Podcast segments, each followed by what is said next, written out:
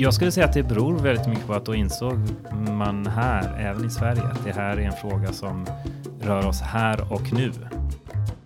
Ja, men alltså regeringen sticker inte under stol med att eh, det, de besluten som de fattar nu kommer att leda till ökade utsläpp. Det står svart på vitt i budgeten. Men allra viktigast är ändå, i och med att vi behöver sådana omfattande förändringar så måste politiken fatta de beslut som krävs.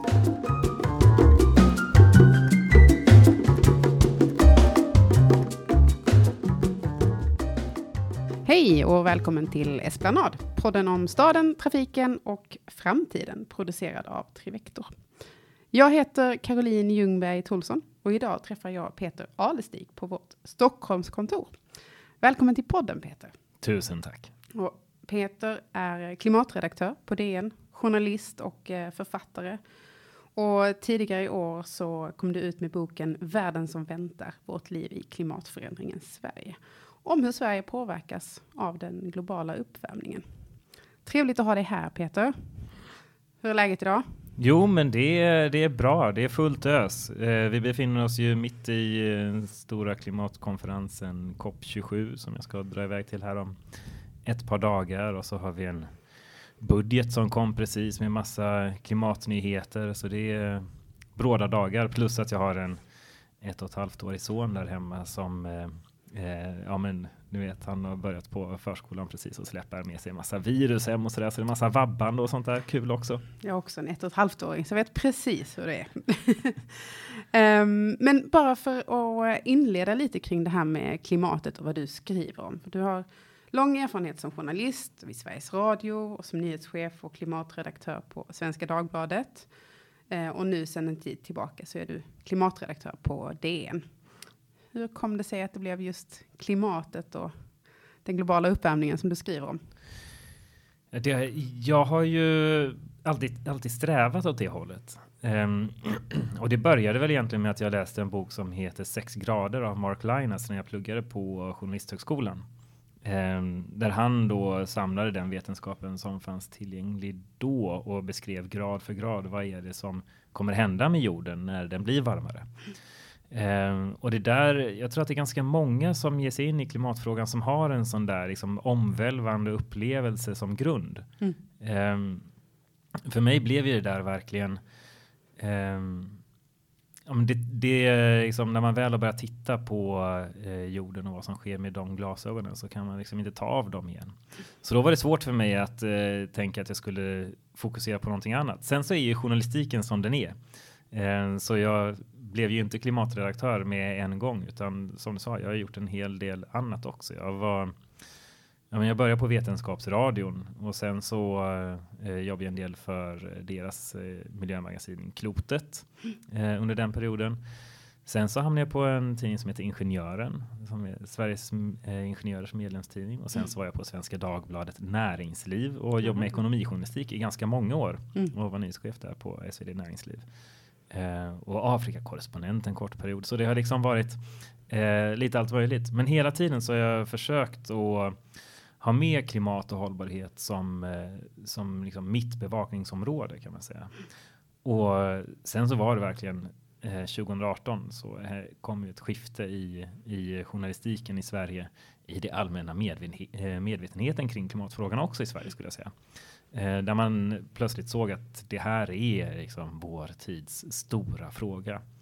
Eh, och då fick jag till slut frågan ett tag efter det eh, om jag ville bli klimatreporter på heltid på Svenska Dagbladet istället för eh, nyhetschef på SvD Näringsliv som jag var då. Och sen så var jag det ett litet tag sen så blev jag rekryterad till Dagens Nyheter istället som satsade ännu mer än vad Svenska Dagbladet gjorde. Mm.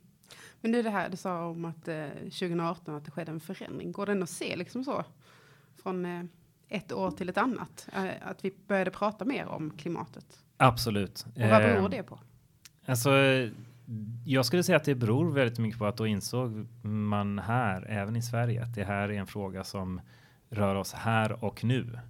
Eh, att det inte längre är någonting som drabbar någon annan långt fram i framtiden eller långt bort i andra länder. Mm. Det är också naturligtvis och ännu mer de som är långt bort i andra länder och eh, framtida generationer. Men det är också verkligen här och nu. Mm. Sen så är det vissa kanske tänker tillbaka på 2015 och säger att ja, men då var ju hela klimatmötet i Paris och visst, då fanns ett stort engagemang också. Men torkan och bränderna 2018 och sen eh, valet efter där 2018 och Greta Thunberg när hon satt då utanför riksdagen. Det var ju då det verkligen drog igång på allvar och ja, men blev en, en global rörelse kring klimatfrågan på ett sätt som det aldrig har varit förut.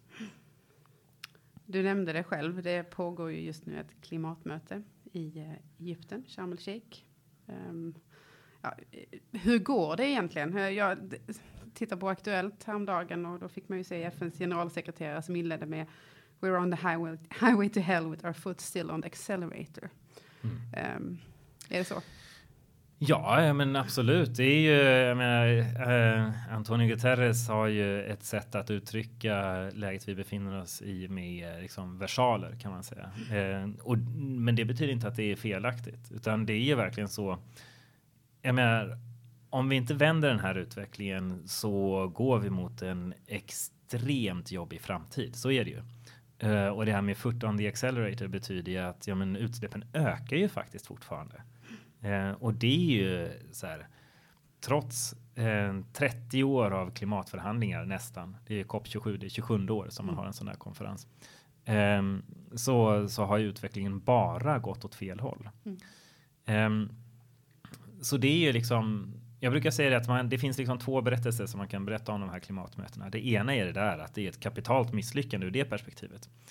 Sen så har ju viktiga avtal kommit på plats. Eh, ska man ju samtidigt tänka på. Jag menar, mm. Parisavtalet 2015 var en, en bedrift att få dit. Det är ändå liksom nästan alla världens länder som ska enas om en och samma avtalstext. Liksom. Det är i princip så att varenda nation har ett veto i de här förhandlingarna. Mm. Um, Ibland så kanske man kan köra över något enskilt land, vilket också gjordes 2015. Men det, är, det, liksom, det krävs ändå i princip konsensus för att man ska nå de här överenskommelserna. Så det är eh, å sin sida en bedrift. Eh, sen så gäller det att de här avtalen faktiskt börjar böja den här utsläppskurvan. Och det är det steget som vi fortfarande väntar på, som vi har väntat på i, i en evighet känns det som. Mm, verkligen. Jag läste om eh, COP 26 i Glasgow och alla de eh, privatjet som eh, flögs dit. Eh, och att eh, man sen ville ju komma till konferensen i elbilar, men man hade inte tillräckligt med batterier och ladda dem, så man, man laddade dem med dieselaggregat på flygplatsen.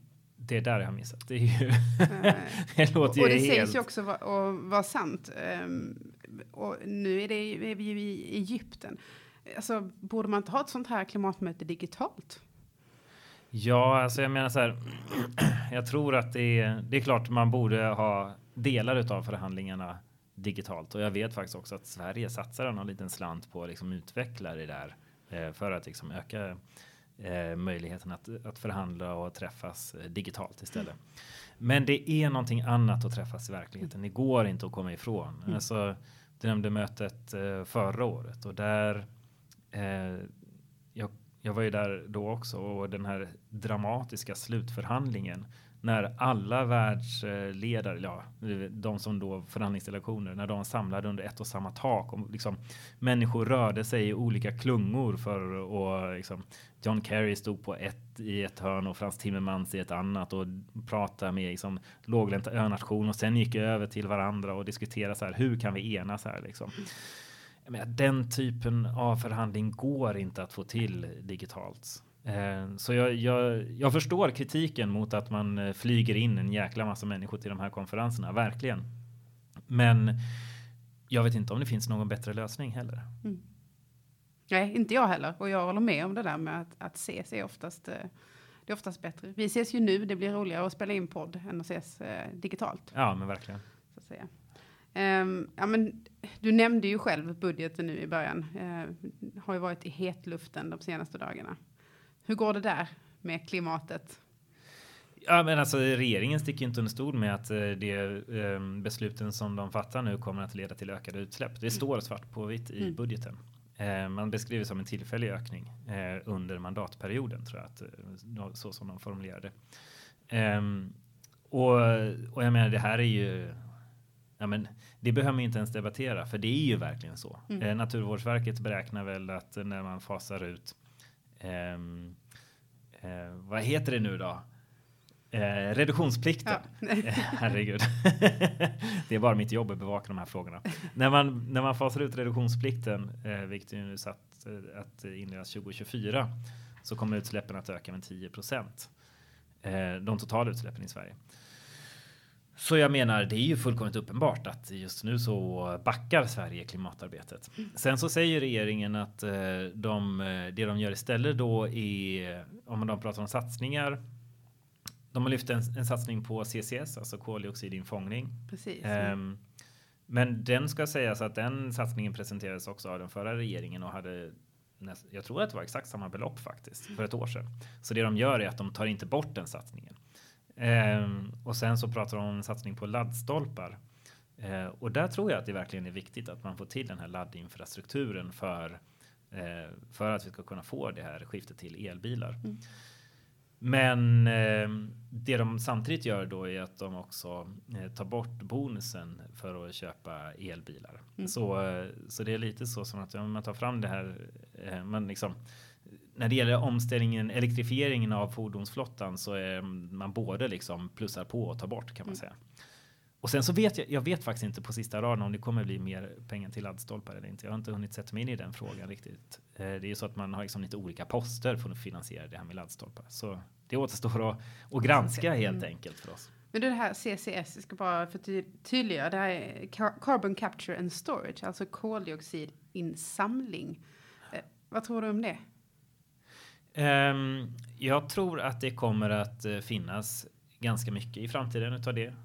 Um, det är också någonting som IPCC, alltså FNs klimatpanel i sina scenarier um, ehm, använder. Alltså om man ska nå ett och ett halvt gradersmålet, vilket i och för sig är kört, det är en annan diskussion, men det, det tror jag att vi kan släppa. Men i, i princip alla scenarier framåt ehm, inkluderar en ganska stor del negativa utsläpp. Mm.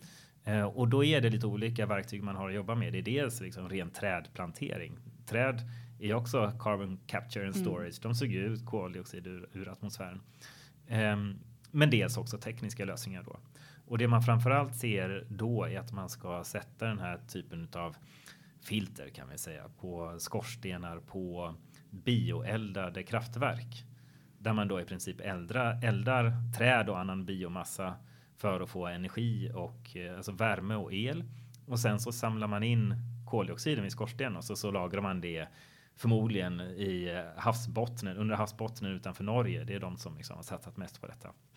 Eh, och det som händer då är att den här koldioxiden som träden eller växtligheten har fångat in den eh, släpps först ut när man förbränner den, men så samlas den in i, i skorstenen igen och så skickar man ner den under marken. Och på så sätt så får man liksom negativa utsläpp. Man suger ner koldioxid i atmosfären.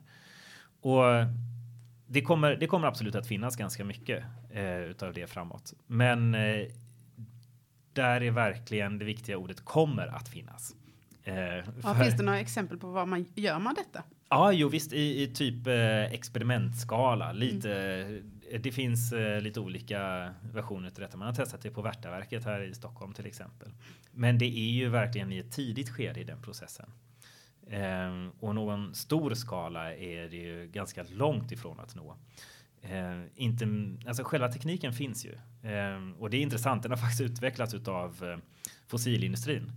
Eh, eftersom man kan, eh, när man fångar in koldioxid när man utvinner gas och olja, när man utvinner olja framförallt tror jag, så um, fångar man in den där koldioxiden och så, så trycker man ner den i oljekällorna igen för att få ut lite mer olja ur de här oljekällorna. Så tekniken finns liksom. Eh, Eh, det som inte finns är ju eh, storskaligheten. Det som inte finns är eh, infrastruktur för att lagra eller för att transportera eller för en del lagstiftning som behöver ändras för att man ska kunna liksom, exportera koldioxid till Norge till exempel. Det är väldigt mycket som behöver komma på plats innan det här kan spela en stor roll för de globala utsläppen och för Sveriges utsläpp. Mm. Ja, det låter ju som vi, vi får fortsätta jobba för att minska utsläppen helt enkelt. Ja, ja, men precis. Och det är också en viktig poäng. Alltså att, jag menar, det är inte antingen eller. Det är också, jag menar, alla experter man pratar om här är att det här, det läget vi befinner oss i nu är inte så att vi kan luta oss tillbaka och säga det där löser CCS. Mm. Utan det är tvärtom. Vi måste minska utsläppen så mycket vi bara kan och vi måste dessutom nu eftersom vi har misslyckats så kapitalt hittills suga ner så mycket koldioxid som vi bara kan Mm. för att överhuvudtaget kunna komma nära en och en halv graders målet. Men för att återgå till eh, budgeten. Eh, finns det någon chans att vi kan gå i, i rätt riktning med de här förändringarna som regeringen har gjort? Ehm, alltså, jag menar så här. Det som de gör nu är att de ökar utsläppen. Punkt. Mm. Ehm, sen så om de då, om man ska se till att utsläppen minskar eh, så behöver man ju ändra politiken. Där kommer inte koldioxidinfångning och eh, elektrifiering. Det kommer liksom inte eh, lösa sig självt, utan den kommer nog. Det här tror jag är helt safe att säga. Det kommer nog kräva liksom fler eh, och starkare incitament helt enkelt. Alldeles säkert. Mm. Jag har ju läst eh, Världen som väntar, den här boken som du släppte i somras var det va? Mm. Vårt liv i klimatförändringens Sverige. Och, och där du vill visa att klimatförändringarna sker här och nu, också i Sverige och inte bara liksom runt omkring oss. Eh, Vi har ibland eh, ja, men svårt att förstå det och tänka där. Och, och, vad, fick dig att skriva den här boken? Ja, men det var, vi pratade ju snabbt om sommaren 2018 eh, Mm. nyss och där var det lite så att det blev ett uppvaknande. Ehm, ja, men samtidigt så um, har jag ganska länge varit frustrerad över liksom, hur klimatdebatten har varit i Sverige. Där det är Ja, men det finns något väldigt moraliserande över den där man. Eh, det är nästan som att det är vår moraliska skyldighet att minska utsläppen för någon annans skull. Eh, om man då inte tycker att det är värt att göra det för någon annans skull, då kan man skita i det ungefär. Eh, och det där grundar sig på något sätt i den här uppfattningen om att, det, att vi inte kommer att påverkas. En, en väldigt felaktig uppfattning. Mm. Så det jag visar i boken är inte bara att vi kommer att påverkas i stor grad, utan att vi faktiskt redan gör det. Mm. Och jag tror att om man verkligen sätter sig ner och tänker på vilka förändringar som har skett eh, de senaste decennierna så, så ser man väldigt tydligt att ja, men okej, vi befinner oss mitt i detta även här. Ta vintrarna till exempel, som ju verkligen men när jag var liten, jag har sådana här minnen av hur jag är uppvuxen på västkusten och hur vi hade långa vita vintrar när jag var barn. Och ser man där på vintern nu och tänker att men herregud, det måste ju, jag kan inte komma ihåg rätt. Det, det kan nog inte stämma. Mm. Men så kollade jag i SMHIs data och visst sjutton var det så att det var långa vita vintrar när jag var liten. Och nu är det inte det längre. Eh, och den här typen av förändringar sker över hela landet. Och det som jag också gör i boken är att jag försöker titta, ja men okej, mer än de, mer än de här uppenbara direkta effekterna som att det blir varmare, vi får fler högsommardagar, vi får mer regn, mer extremt regn, vi får kortare vintrar och så vidare. Om man tittar på mer än de rent fysiska effekterna, om man tittar på vad betyder det här för samhället vi lever i idag? Mm. Vad får det för följdeffekter för vår vardag? Liksom? Då, då märker man verkligen att men här är det ju så att klimatförändringarna sätter press på vår tillvaro redan här och nu på sätt som vi inte tänker på. Men när man väl pratar om det så ser man, ja men där är det ju, där är klimatkrisen. Mm. Den här boken har fått väldigt fina recensioner. Eh, och, och den, är väldigt, eh, den är väldigt lätt att läsa. Eh, trevlig att läsa tycker jag. Men har du fått några intressanta reaktioner på, på boken? Hur har den mottagits? Jo, men som du säger, alltså jag, är- jag är jätteglad för, för recensioner och också för liksom, ja, men, man får också eh, på Twitter så skriver folk och mejl och, och sådär. Så det har varit jättekul verkligen. Um, jag tror att någon, någon som skrev på Instagram tror jag skrev att nu ska vi starta en insamling för att köpa en bok till alla Sveriges politiker. det, Ja. tyckte jag, det tyckte jag var ett bra initiativ. Vi får se om det blir verklighet. Absolut. Mm. Och du är också väldigt noggrann i boken med att säga att du inte vill skrämmas. Ehm, jag får nog säga att lite skrämd blir man alltid. Jag lärde Jag mig mycket nytt. Alltså, ehm, eh, mycket nytt där. Det är svårt att inte skrämmas när det kommer till de här frågorna. Ja, men det är ju det. Och så här, jag hade diskussioner med, med förläggaren där om att eh, jag, jag har också den här frustrationen över att ibland i svensk journalistik så finns det lite den här i klimatfrågan viljan att liksom vilja verkligen eh, ja, men, slå folk på käften nästan liksom, Mm. med, eh, med larmrapporter och sådär. Ibland eh, så till en grad att det kanske inte riktigt stämmer överens med verkligheten. Jag tar till exempel klimatmigration som exempel där. Mm. Där det ju faktiskt är så att frågan är mycket mer komplex än att vi kommer att se enorma migrantströmmar till Europa och Sverige som en följd av klimatförändringarna. Ehm, och sen så är det också så att när man skräms så, så eh, får ju vissa så får man ibland reaktionen att eh, människor gömmer sig och stoppar huvudet i sanden. Mm. Och min ambition har ju varit att eh, genom att ha ett mer nyfikenhets, nyfikenhetsdrivet eh, sätt att eh, liksom berätta om, om vad som väntar så hoppas jag att man ska dels alltså inte bara orka utan också vilja ta sig igenom hela boken och sen också kanske att jag kan nå eh, en, eh, ny målgrupp som inte redan har förstått hur allvarligt läget är. Mm. För ibland så är det också så att man, man skriver liksom för de som redan är engagerade. Och det är klart att det är viktigt då, eh, för alla engagerade i klimatfrågan att hålla sig uppdaterade. Men det är också väldigt viktigt att det inte stannar där utan att man når ett bredare engagemang. Eh, Du nämnde det här med de vita vintrarna. Det kan jag också, jag är uppvuxen i, i Lund där jag fortfarande bor eh, och där har vi inte så mycket vita vintrar längre heller. Och dessutom är det fortfarande meteorologisk sommar just nu. eh, Ja. Nere i Skåne, Sommar till och med. i, i början av november. Mm. Ehm, är, är det så här att förändringarna till och med är, är större här i, i norra Europa än vad man, vad man egentligen tror? Alltså, det man kan säga är ju så här att eh, förändringen har gått snabbare än vad många har väntat sig överhuvudtaget. Mm. Och sen så är det ju norra Europa är ju den del av världen som värms upp allra snabbast kan man säga. Det är klart det värms upp ännu snabbare när man rör sig upp till Arktis. Eh, men eh, det är ju verkligen så att här går det väldigt snabbt med temperaturökningen. Mm. Och det beror till stor del faktiskt på att eh, snön försvinner. Vilket skapar en så här självförstärkande effekt. För när snön försvinner så förlorar marken eh, sin reflekterande effekt. Mm. Eh, vilket gör att solenergin istället för att studsa ut till stor del upp i, eh, ut i rymden igen så stannar den kvar nere på marken. Vilket skapar då så det, det värms upp snabbare och snabbare helt enkelt. Mm. Och det där med att ja, men, meteorologisk sommar nu i, nere i Lund. Det är ju jag tror, jag vet inte hur ofta ni har meteorologisk vinter överhuvudtaget längre. Nej, Ehm, troligen inte så ofta. och det där är ju verkligen en av de eh, tydligaste förändringarna som man, som man har sett där. Eh, För att man ska kalla det meteorologisk vinter så krävs det att det är eh, noll grader fem dygn i sträck. Mm. Ehm, och det där ser man hur det där sker allt mer sällan i södra delen av Sverige. Och den här gränsen kryper liksom mer och mer norrut. Och på vägen dit så får man ju sådana vintrar som vi hade förra vintern i, i Stockholm där det bara var så här ja, men plusgrader och sen var det frös det på lite grann och så kommer det plusgrader och så fryser det på så blir det liksom slask och jäkligt sådär. Eh, liksom inte något behagligt vinterväder. Vilket i sin tur faktiskt leder till att halkolyckorna ökar, för det är det där som är det allra farligaste. Mm. Så det är liksom, apropå de här konsekvenserna, vad betyder det här för samhället då? Mm. Det är en sån tydlig effekt som man ser. Mm. Som man kanske inte heller tänker på. Nej men precis. Mm. Och å andra sidan så nere i Lund så har ni färre halkolyckor faktiskt. Det, jag läste en eh, rapport från Folkhälsomyndigheten som eh, listar hälsoeffekterna av klimatförändringarna.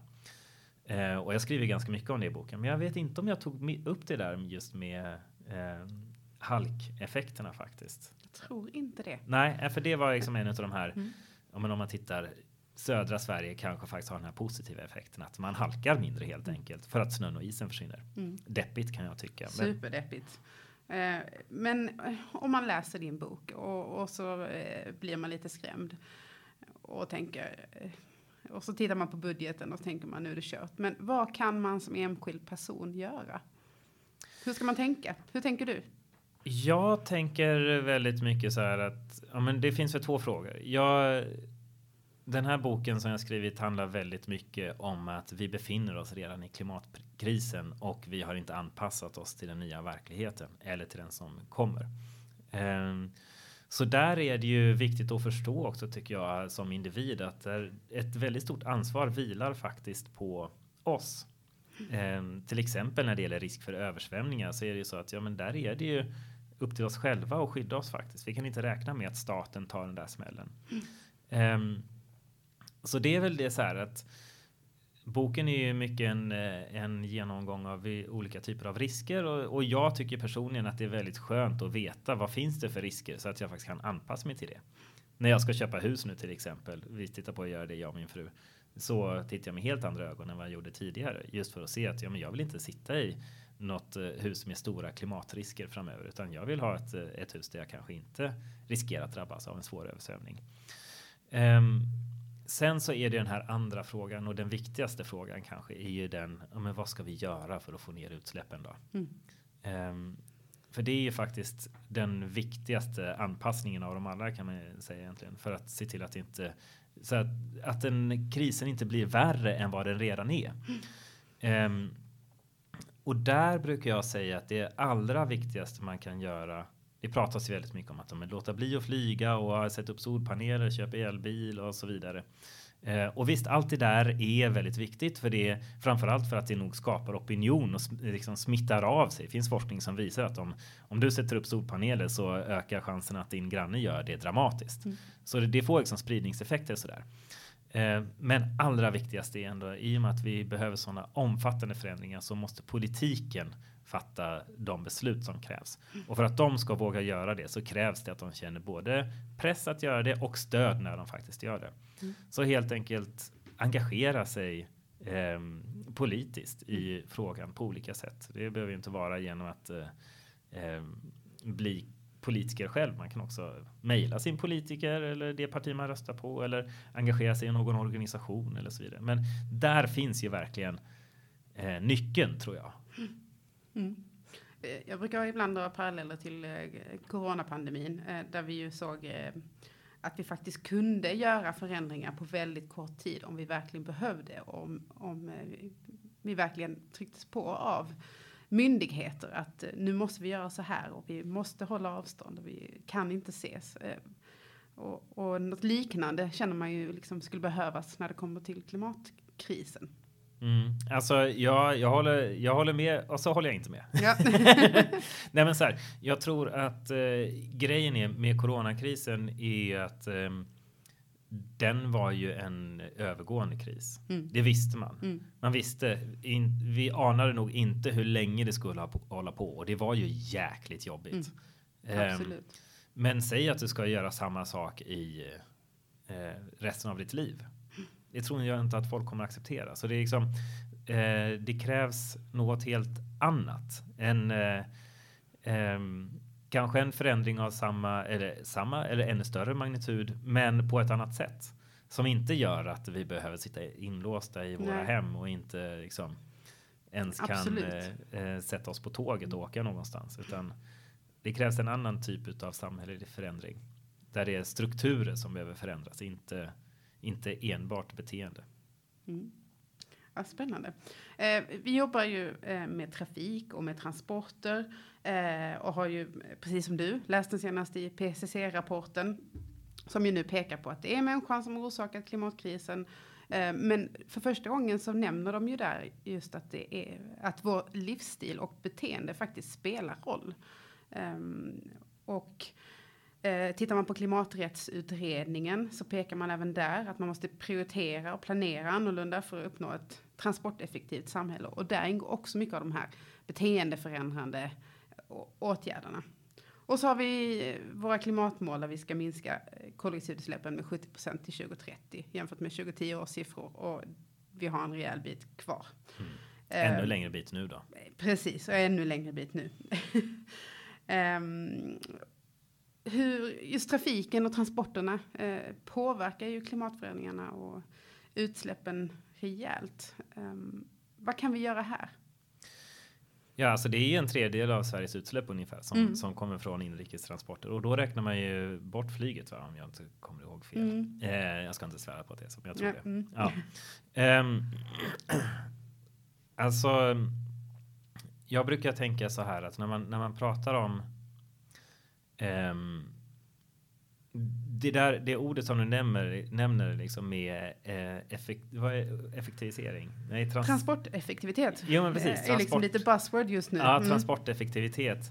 Det är ju eh, den obekväma sanningen kan man säga. Mm. Eh, och en fråga som jag tror att få politiker riktigt vågar ta i. Mm. Eh, helt enkelt för att det i klarspråk betyder vi ska köra mindre bil. Mm, absolut. Eh, och eh, där finns det ju eh, alltså det det är väl så att eh, det, det krävs helt enkelt för att vi ska kunna nå målen. Det räcker liksom inte med att enbart blanda ut med biobränslen även om vi skulle om vi skulle börja göra det i större, ut, i större omfattning igen.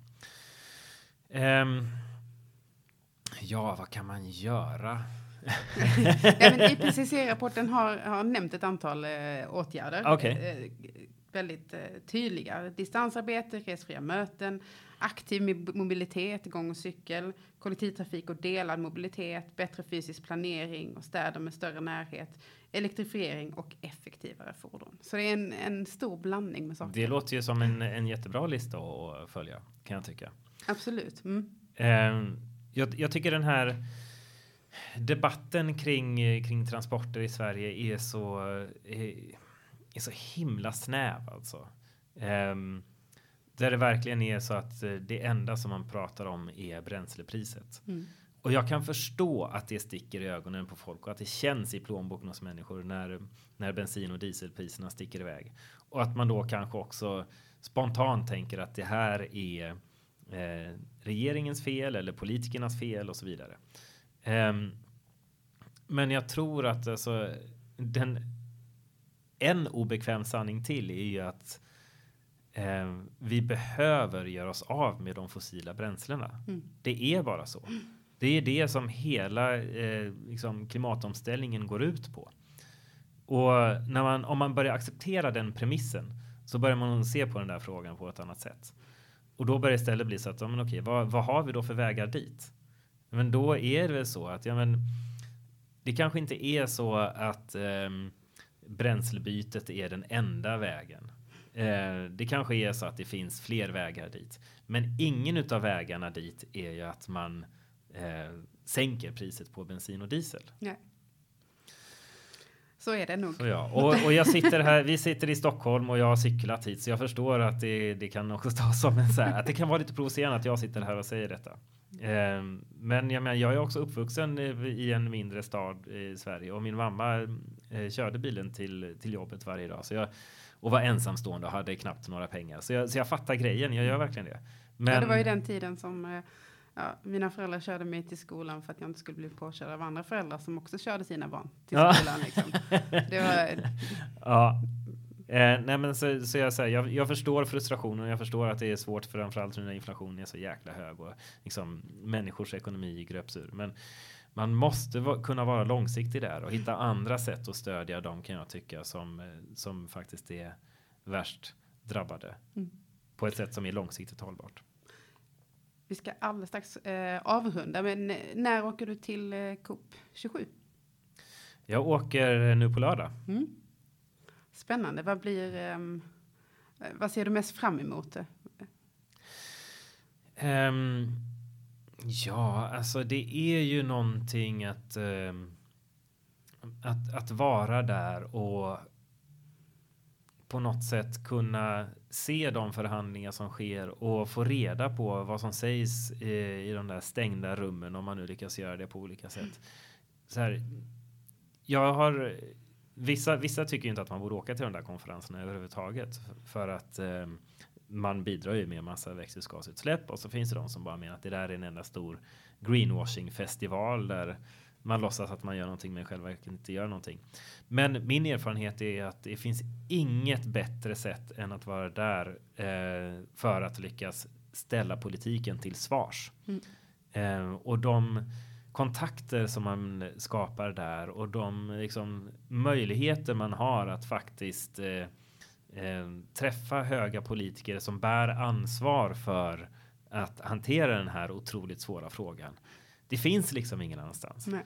Så ja, men det är väl det jag ser fram emot eh, mest av allt, att faktiskt liksom få följa de svåra förhandlingarna och ställa de ansvariga till svars. Spännande. Um, en sista fråga till dig Peter. Um, vad är det viktigaste vi i Sverige behöver göra nu för att klimatförändringarna ska gå i rätt riktning? Ja, alltså. Jag, jag skulle säga så här att eh, Sverige spelar faktiskt en större roll här än vad många tror. Alltså i, i den globala kampen för att få ner utsläppen. Vi är ett jäkligt litet, litet land så våra direkta utsläpp är inte så stora även om de kanske är större än vi tror när vi tittar på, våra på, på, på vår konsumtion också. Um, men den roll som Sverige kan spela och som vi som invånare i Sverige då kan bidra till att vi spelar är helt enkelt att vara en stark röst i det globala samarbetet och inom EU. För där finns ju verkligen potential att uh, åstadkomma stora förändringar. Om man tittar till exempel på när Sveriges regering var med och drev igenom omgörningen av EUs utsläppshandel. Mm. Vilket i sin tur ledde till att väldigt många kolkraftverk i Europa stängdes. Jag menar, där finns det möjligheter att uh, skapa förändring. Så om man ser på sig själv som liksom en länk i den där kedjan hela vägen från sig själv upp till de svenska beslutsfattarna på alla olika nivåer och så hela vägen in till de stora förhandlingsrummen så är ju stegen inte så jäkla många egentligen alltså. Mm. Det låter ändå som att vi har, vi har en del att göra. Ja, absolut. Mm. Om, eh, vi, vi har en del att göra om vi kan och vill. Mm. Spännande. Stort tack för att du ville gästa Esplanad. Tack så mycket.